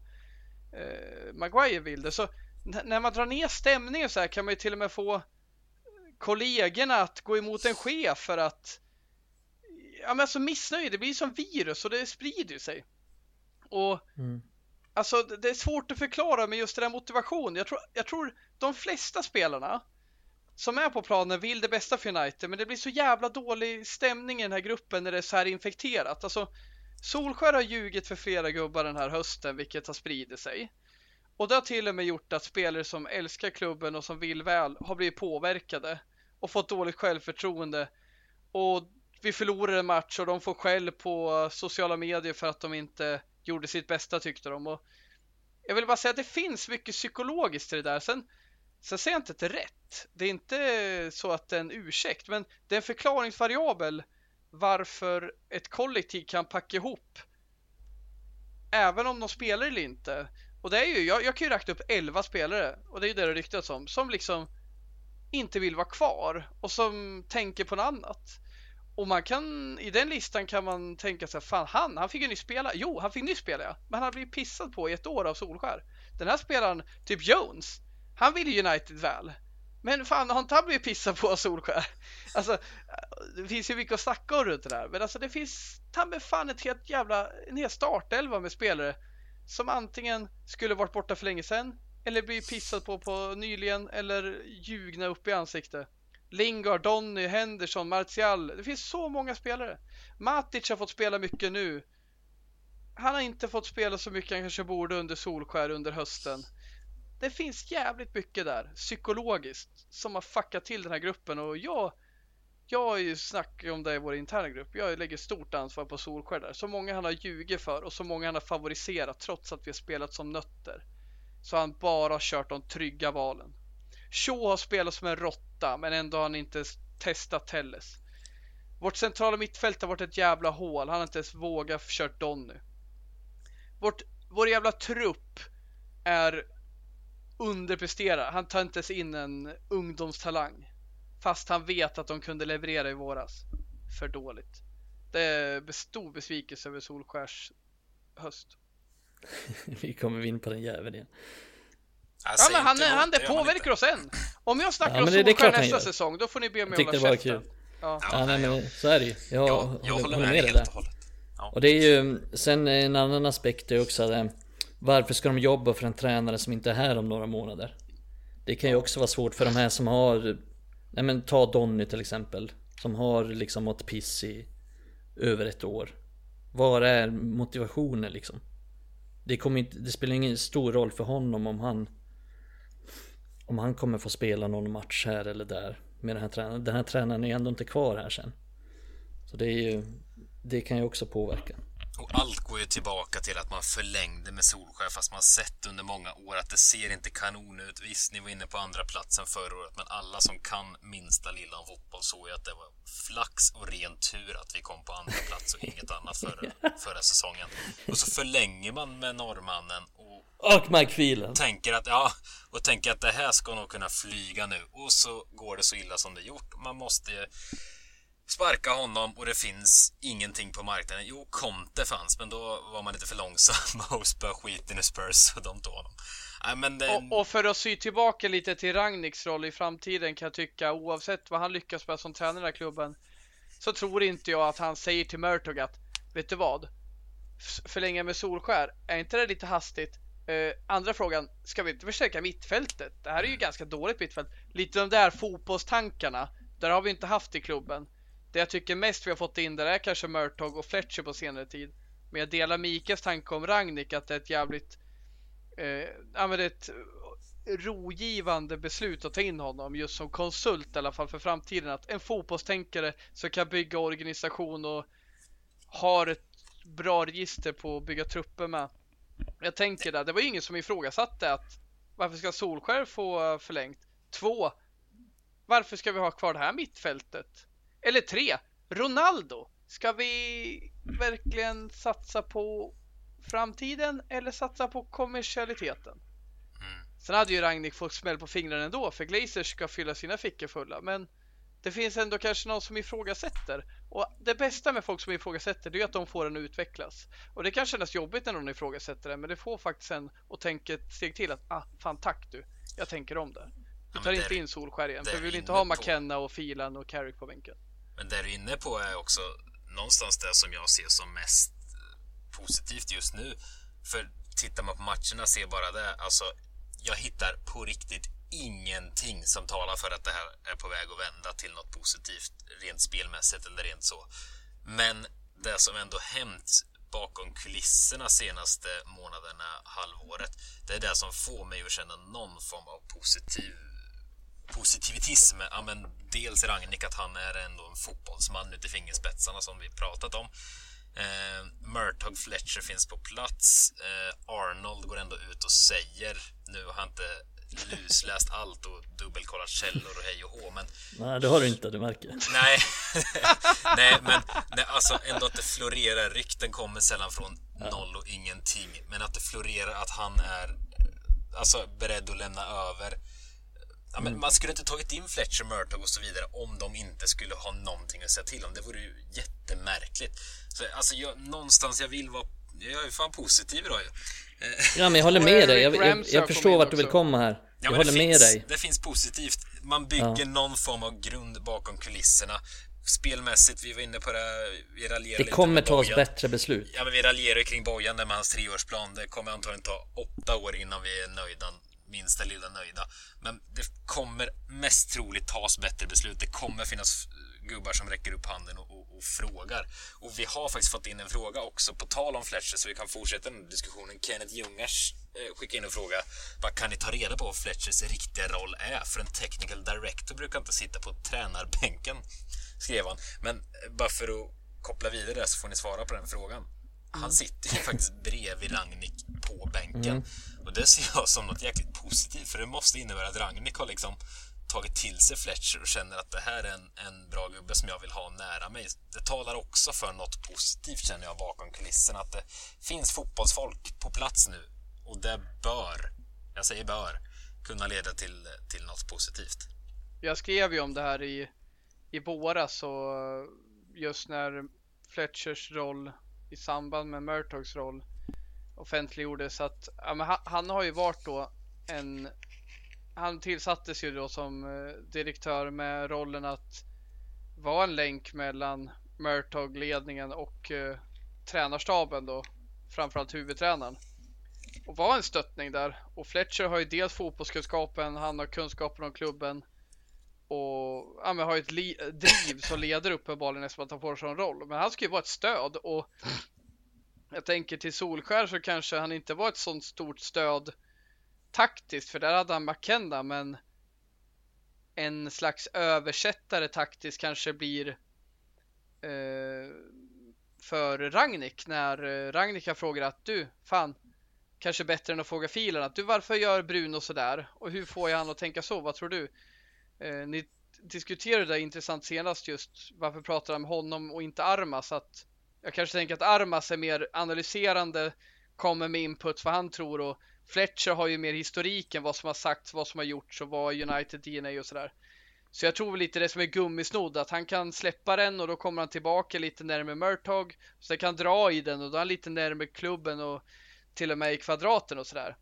Eh, så det är ju, jag tycker det är kul att se att han någonstans anammar det, för Ragnik behöver ju, han kan ju inte bara komma in och vara en tupp som Fanchal och tro att nu släpper vi allt vi haft och kör på mitt sätt. Han måste ändå förstå. Jag tror, jag tror Fletcher får honom att förstå.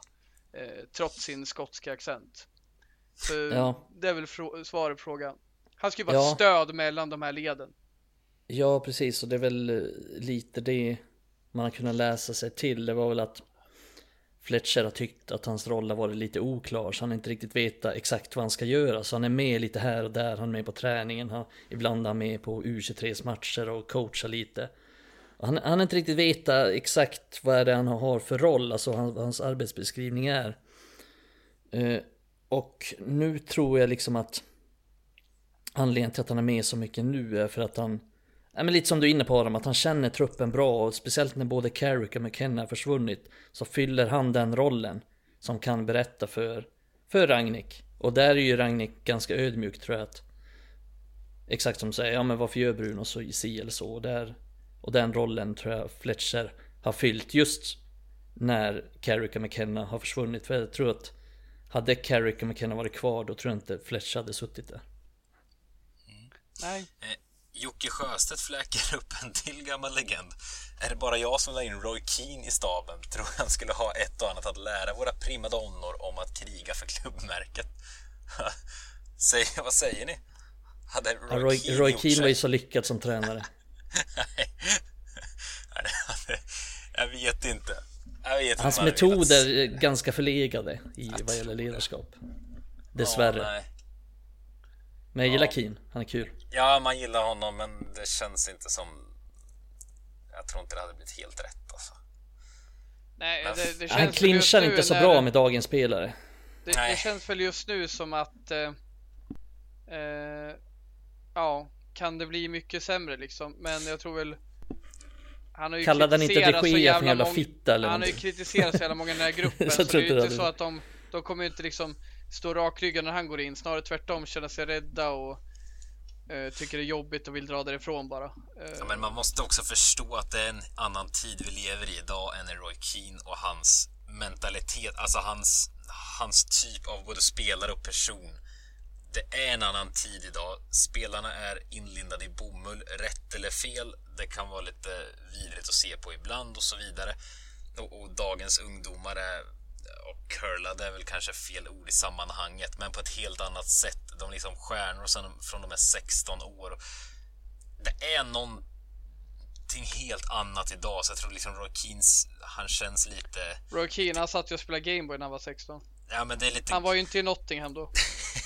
Men han känns lite grottmänniska om ni förstår mig på rätt sätt i sina metoder. Det är bara min känsla. Jag tror inte han Grejen är, jag tror inte det är varken förlegat eller fel, men det är just att man måste ju fatta att det handlar inte bara om att komma in och skrika, det handlar Nej. om att skapa respekt. Jag tror, det jag tror Roy Keane hade inte fått någon jävla respekt i det här laget, för han har, han har kritiserat alla i sitt jobb, vilket han ska göra. Han gör sitt jobb, men det är liksom han är inte lösningen. Jag tror inte på Scholes eller Neville är det heller. Jag tror faktiskt att en sån som Fletcher och faktiskt har jag insett nu lite på senare dagar att att Carrick just som en bryggning hade ju inte fan varit dum att ha kvar. Och jag har aldrig sett han som ett problem i klubben. Jag har sett Filan och McKenna som är framstående och problem som att de påverkar Solskjaer. Men Carrick som varit lite mer av en praktikant. Han tror jag fan hade en jävla skön respekt i, i laget för han är en fantastisk spelare och människa. Och jag tror det såg vi ju i hans matcher också. Att de här klubbarna, spelarna ville göra sitt bästa. Och han körde ganska basic och ändå vågade mixtra lite. Så jag, hade, jag tycker det är tråkigt att Carrick drog, men man kan ju hoppas han börjar spela träna i någon klubb snart och ha Solskär som assisterande. Jag tycker alltid det är svårt där. Jag är lite förvånad att många har så starka åsikter alltid om typ så här ledare i ledarstaben. Hur vet ni det liksom? Tycker det är svårt att svårt att uttala sig om hur den är den är eller att det är bra att den försvinner eller bra att den är kvar. Ja. Eh, i slutändan så är det ju liksom, det är ju Solskjaers ansvar. Sen är det svårt att säga, ja men Carrick gjorde det, eller gjorde inte det. För det är ju liksom, han kan ju ha sina idéer. Men det spelar ingen roll om Solskjaer ändå gör som Solskjaer vill. Då kan man inte liksom inte klandra Carrick för att, ja men dina idéer funkar inte. Jo men det är ju Solskjaers beslut och Solskjaers idéer i slutändan.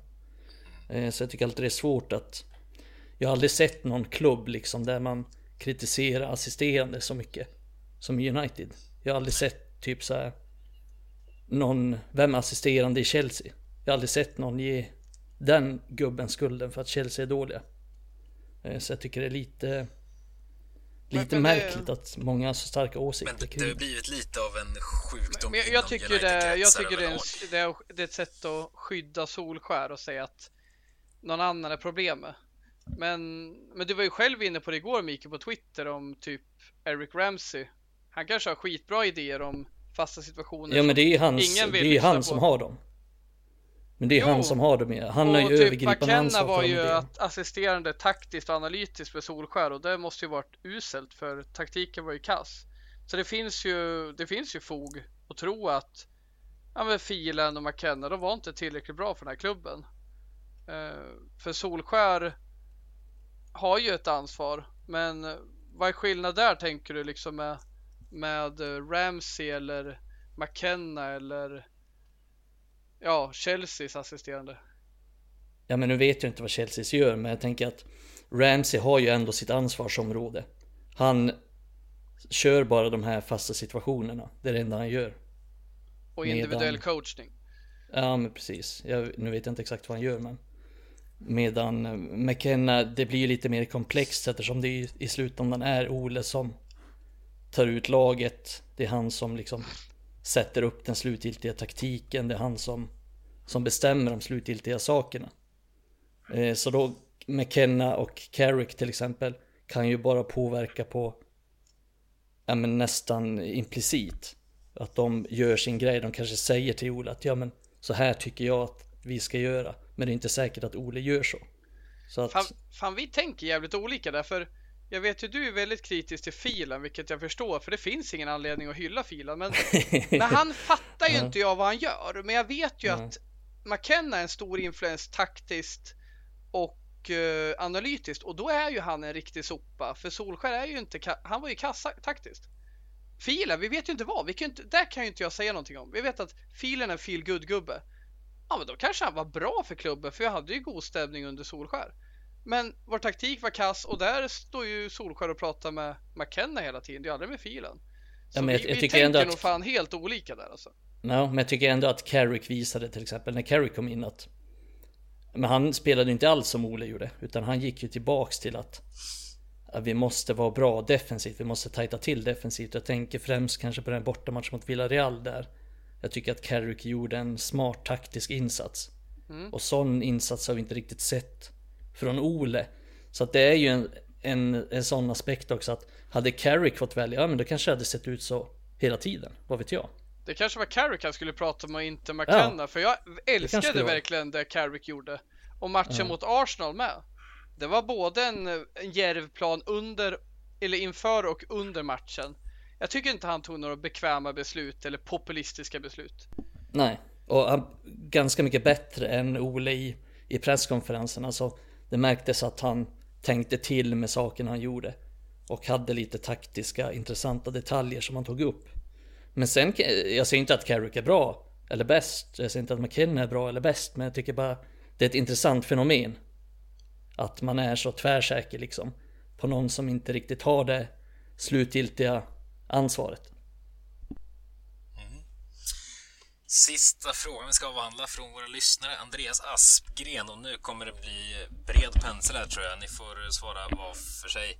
Eh, om ni fick ta över Ragniks roll fram till sommaren, vad hade ni gjort? Och då syftar han på värvningar, eh, sålt någon ja, startelva formation. Vad hade ni försökt göra åt att spelarna inte visar någon som helst vilja till att spela fotboll? Väldigt brett, men om vi börjar i Mikaels ringhörna, vad du kliver in här 11 januari idag som tränare för United. Vad hade du pysslat med fram till sommaren? ja, det är en jävligt bra fråga. Nej, jag hade nog gått ganska mycket tillbaks till grunderna. Och jag har sagt det tidigare, för mig att jag sagt det till och med i avsnittet idag, så att jag hade spelat ett spelsystem som spelarna är ganska trygga med. Jag hade spelat 4-2-3-1 eller 4-3-3. Och så hade jag försökt liksom få ut maximalt av de här spelarna. För när han har spelat 4-2-2-2 då har han inte fått ut max av Bruno som har varit vår bästa spelare. Han har inte fått ut max av Rashford, han har inte fått ut max av Ronaldo. Och så vidare och så vidare. Så jag hade, jag hade anpassat mitt spel efter det materialet jag hade. Och liksom försökt få ut så mycket som möjligt och försökt liksom täppa till laget helt enkelt. Få ett tajtare lag och få spelarna att spela enklare liksom utnyttja vad de är bra på. Säg att du spelar Fred, ja men be Fred vinna tillbaks bollen, gör det han är bra på, sen spela vidare den snabbt. Så att lite, spela lite enklare tror jag. Försöka sätta någon slags grund och inte försöka förändra allt för mycket. För det är det tror jag som har lett till allt det här. Det är att det är för många bollar i luften och för många saker som ska ändras på kort tid. Och det är jävligt svårt att kunna implementera det. Så jag hade gjort några sådana enkla saker. Och sen twistat lite. För Ole hade ju ingen taktik överhuvudtaget. Så jag hade nog försökt förändra de sakerna som har varit så dåliga. Och Ragnik har ju snackat om att ja, men vi släpper till för mycket. Släpper fortfarande till mycket. Men han har ju uppenbarligen gjort någonting så att vi inte släpper till riktigt, riktigt lika mycket. Även om jag tycker att vi släpper till alldeles för mycket. Men men där man tajtar till laget och, och gör sådana här små justeringar. Det är väl vad jag hade gjort i stort. Adam, din tur. Nej, men kortfattat hade väl sett till att vi får in en, en eh, bolltrygg, kreativ mittfältare.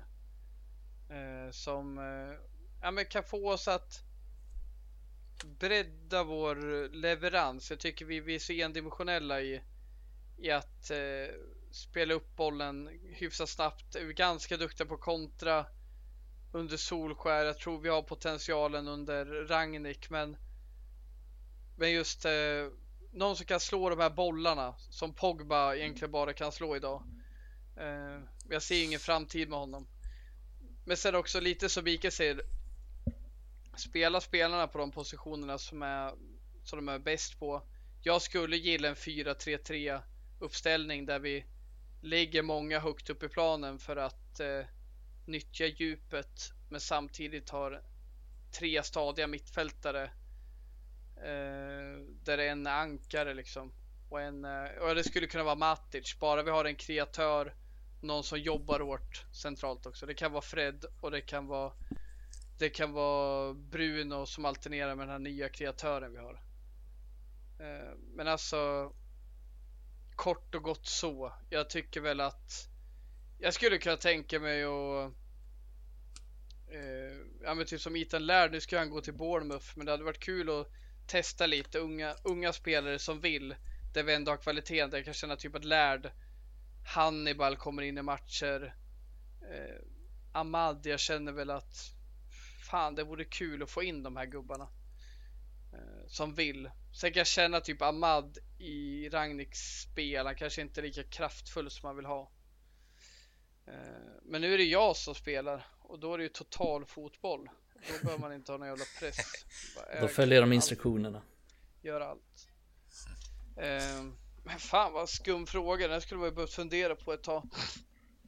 Men jag tycker mm. det, centrala mittfältet är ett stort problem. Sen skulle jag nog, jag skulle säga till Ronaldo att nu håller du Dra käften och lyssnar på mig. Att du kommer spela, du kommer spela varannan match. Jag tycker du är en fantastisk eh, målgörare. Jag kommer vilja ha dig i vissa matcher. Men när vi möter Chelsea vill jag inte ha dig på planen. När vi möter Burnley, då vill jag ha dig på planen. Då ska vi köra 4-1, 4-1 och vi ska ha Fred som ankare för de kommer ändå inte utmana oss centralt. De kommer köra långt. Fred sveper upp där han kan och så trycker vi upp. Fred är yvig, han ska inte Alltid vara ankare. Matic. Alltid in... Matic mot Burnley. ja, absolut. Och, alltså, där känner jag att var lite mer flexibel. Det skulle jag vilja ge en ins insyn, min insyn att vi inte är tillräckligt flexibla så att Matic kör en bra match mot Burnley. Fint. Då går vi vidare. Nästa match möter vi Aston Villa. Nu ska inte Matic spela. Så man inte bara, ah, nu är Matic startspelare. Alltså Matic är bra mot Burnley, Matic är bra mot Newcastle kanske, men sen går vi vidare och testar något annat. Så det, det är väl mid. Korta, lite för långa utläggning vad jag skulle göra. Fan vad man vill se Adam Stenberg säga det till Ronaldo att nu lyssnar du på mig. Ja, men det bara ser riktigt jävla övertygande ja, ut så kommer även han det. Eh, skifta i blicken. Tror du han har koll på Flen? Vi är bara en illusion, Emil. Det är bara att agera. Ronaldo, han är stursk så länge han eh, tills han vet vem som är tuppen i omklädningsrummet. Mm. Jag vill uh, fortsatt se det. Uh, vi möter ju faktiskt Villa igen i helgen. Uh, på tal om Ronaldo, kliver han rakt in i startelvan igen tror ni? Cavani var ja. inte kalas senast här mot Villa. Han kliver rakt in. Va, Ronaldo va? kommer gå in i startelvan. Jag tror han har typ blivit lovad att han ska få spela alla ligamatcher eller något sånt. Vad tror vi mer? Eh, Mikael var inne på att Elanga skulle du inte bli förvånad om han får starta, men tror vi han får starta då? Jag tror väl inte det. Om jag, om jag liksom ska betta mitt hus på det så skulle jag inte göra det. Men det vore lite det... spännande. Jag brukar inte gilla så här populistiska val bara för att, men det hade fan varit spännande att se någon från start alltså. Ja, men det hade varit spännande och för att återkoppla till det Adam sa innan också med att byta in massa jävla unga spelare. Jag skulle också ha gjort det. Sätt in spelare som vill spela i det här laget, som vill spela för den här klubben. Mm. Så nej, det vore intressant. Eh, jag tror väl att Ronaldo startar till slut. Men det ska bli intressant att se vilken formation han väl använder. För det påverkar ju ganska mycket vilka som kommer spela. Mm. Jag måste ju den eh, eviga frågan om eh, mittbackspositionen också som eh, är uttjatad men det är ju ändå intressant. Alltså, Lindelöf rosade inte marknaden hem i FA-cupen. Det kan ingen påstå, även med blågula ögon. Alltså, det känns... Vad, vad hade ni gått på för mittbackskollega till varann här framöver? För varann känner jag väl ändå är självskriven. Det håller vi väl med om allihopa. Men vem, vem hade ni satsat på om alla är hela och rena? Ja, men det, det ska bli intressant att se för att det här är väl egentligen första gången Ragnik kan välja fritt mellan de här tre. Tidigare har ju alltid någon av dem varit borta så då har han inte behövt välja. Men nu blir det liksom första gången han måste ta ett beslut där. Eh, ja, svårt att säga. I nuläget så hade jag nog tagit eh, spela med Lindelöf och varann faktiskt. Men jag är inte säker på att han kommer göra det. Nej. Hade vi mött eh, ett eh, brunkigare lag då hade jag velat Burnley. starta Maguire. Ja. Men jag ser ingen, ingen, ingen, ingen mening med att köra Maguire mot Villa. Ingen anledning. Perfekt match för Lindelöf. Han var inte bra igår. Eh, tyckte han var lite luddig, men han har ju nyss varit sjuk så. Jag tycker den här matchen passar honom jättebra. Och det gör även Brighton och sådär. Så kör Lindelöf nu, perfekt match. Men ta tillbaka Maguire när vi ska möta Che Adams eller Chris Wood eller vad fan det är för chipsnissar. Men på din fråga där. Jag tycker Lindelöf Varann passar perfekt mot Aston Villa. Men vad tror ni? Jag vill nog köra samma backlinje faktiskt. Ja. Jag, vill in, jag, jag liksom saknar inte AVB mot uh, Villa heller, även fast det är pest eller kolera där, upp, där nere på högerbacken. Jag, jag tycker, det, jag tycker det är ganska rättvist om Diogo Dalot och uh, Matthew Target får möta varandra på kanten, för ingen av dem har några muskler i sina lår. De har ju bara så babyfett. Ni vet som man får innan man blir tonåring. Jag visste att du skulle dra upp det. Jag väntade hela avsnittet på att du skulle dra upp det. Ja, nu håll till godo då. Eh, så jag tycker det är rättvist för, för AVB, vi kan snacka om honom men det är ett muskelpaket så in i helvete. Så det är väl mer rättvist om Dalot och eh, Target får möta varandra där på kanten. Targets eh, jävla kycklingklubbor till lår som inte har några konturer, de är bara som lera. Ni vet så lera man har kört med en jävla kavel, så den är helt jävla len är den. Bra inlägg. Noll kan man fråga sig hur vi, hur vi hamnar Så jävla len. Ja. Så jävla len, så här baby. Så jävla obehagligt. Ja, Tänker på hans lår. Men eh, för att knyta ihop det här avsnittet bara. Eh, tror ni här framöver, närmsta, närmsta tiden, tror ni att han kommer ge några, några nya inom citationstecken chanser från start? Då tänker jag typ Lingard eller Anga sig vi pratade om, van de Beek. Tror ni att vi kommer se några sådana dyka upp? För han är ändå hållit det hyfsat eh, få som har fått startplats när ja, men de som kommit in från höger så att säga har ju varit lite, ja men Jones, det var illa tvunget för det var så många borta och så vidare. Vad, vad tror ni? Speciellt framåt, för, för bakåt har han ju snurrat lite på grund av att han inte haft så mycket val för både van de Beek och eh, vad säger jag, eh, Van Bissaka och eh, Shaw var ju borta. Då var Dalot och Telles tvungna att komma in och så vidare. Va, eh, det är ju de här spelarna många gapat om. Lingard, eh, Elanga, Ahmad, Donny.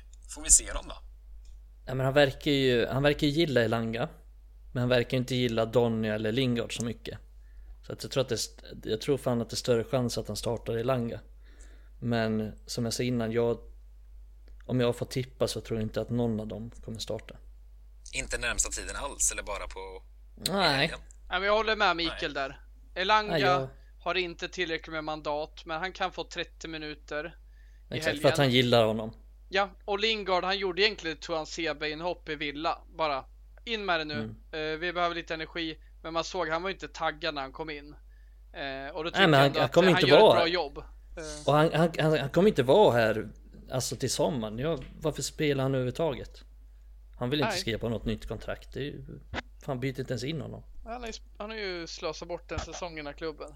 Och det är sådana affärer vi hoppas undvika nu med den här nya ledningen vill jag också påstå. Att man inte sålde honom i... Herregud, kom inte in på det. Jag blir bara så jävla Jag ska till gymmet efter det här så det är bra att ta upp det så får jag lite ilska i mig. Som han ska lyfta, är fantastiskt. Ja, väldigt dit och bänka en kvart sen ska jag Det blir ett väldigt långrandigt avsnitt där. Det blir, blir lätt så när våran kära Adam är tillbaka. Eh, så vi ska nog Det är jag som är anledningen alltså. Nej, det är det. du får inte ta på dig hela. Men det får vi sakna dig så vi... Eh... Vi kör en och en halv timme ändå utan det, men vi skyller på dig när du... Ja, rimligt det var det. Nej, det var kul att du var tillbaka Adam. Eh, kul med dig också Mikael, men dig hör jag ju jämt ändå. Mhm. Mhm. Eh, lycka till på gymmet med dig så hoppas vi att mitt vatten är igång. Jag kan, jag kan ju skylla på att jag inte kan eh, gå iväg och träna nu och ha mig för jag kan inte duscha. Det är perfekt. Eh, det är drömmen. Gymmet ligger nämligen i samma fastighet så de har inget vatten heller. Hopplöst det var det. Men eh, vi hoppas det är tillbaka nästa gång eh, vi hörs. Tills dess får ni jättegärna gå in och kommentera och hojta. Ni vaknar till när vi skickar ut frågeinlägg. Ni får jättegärna vakna däremellan också. Skriv vad ni tycker och tänker. Det är en del som gör det ändå. Det är alltid lika trevligt. Eh, ha det fint så hörs vi någon gång nästa vecka. Hej!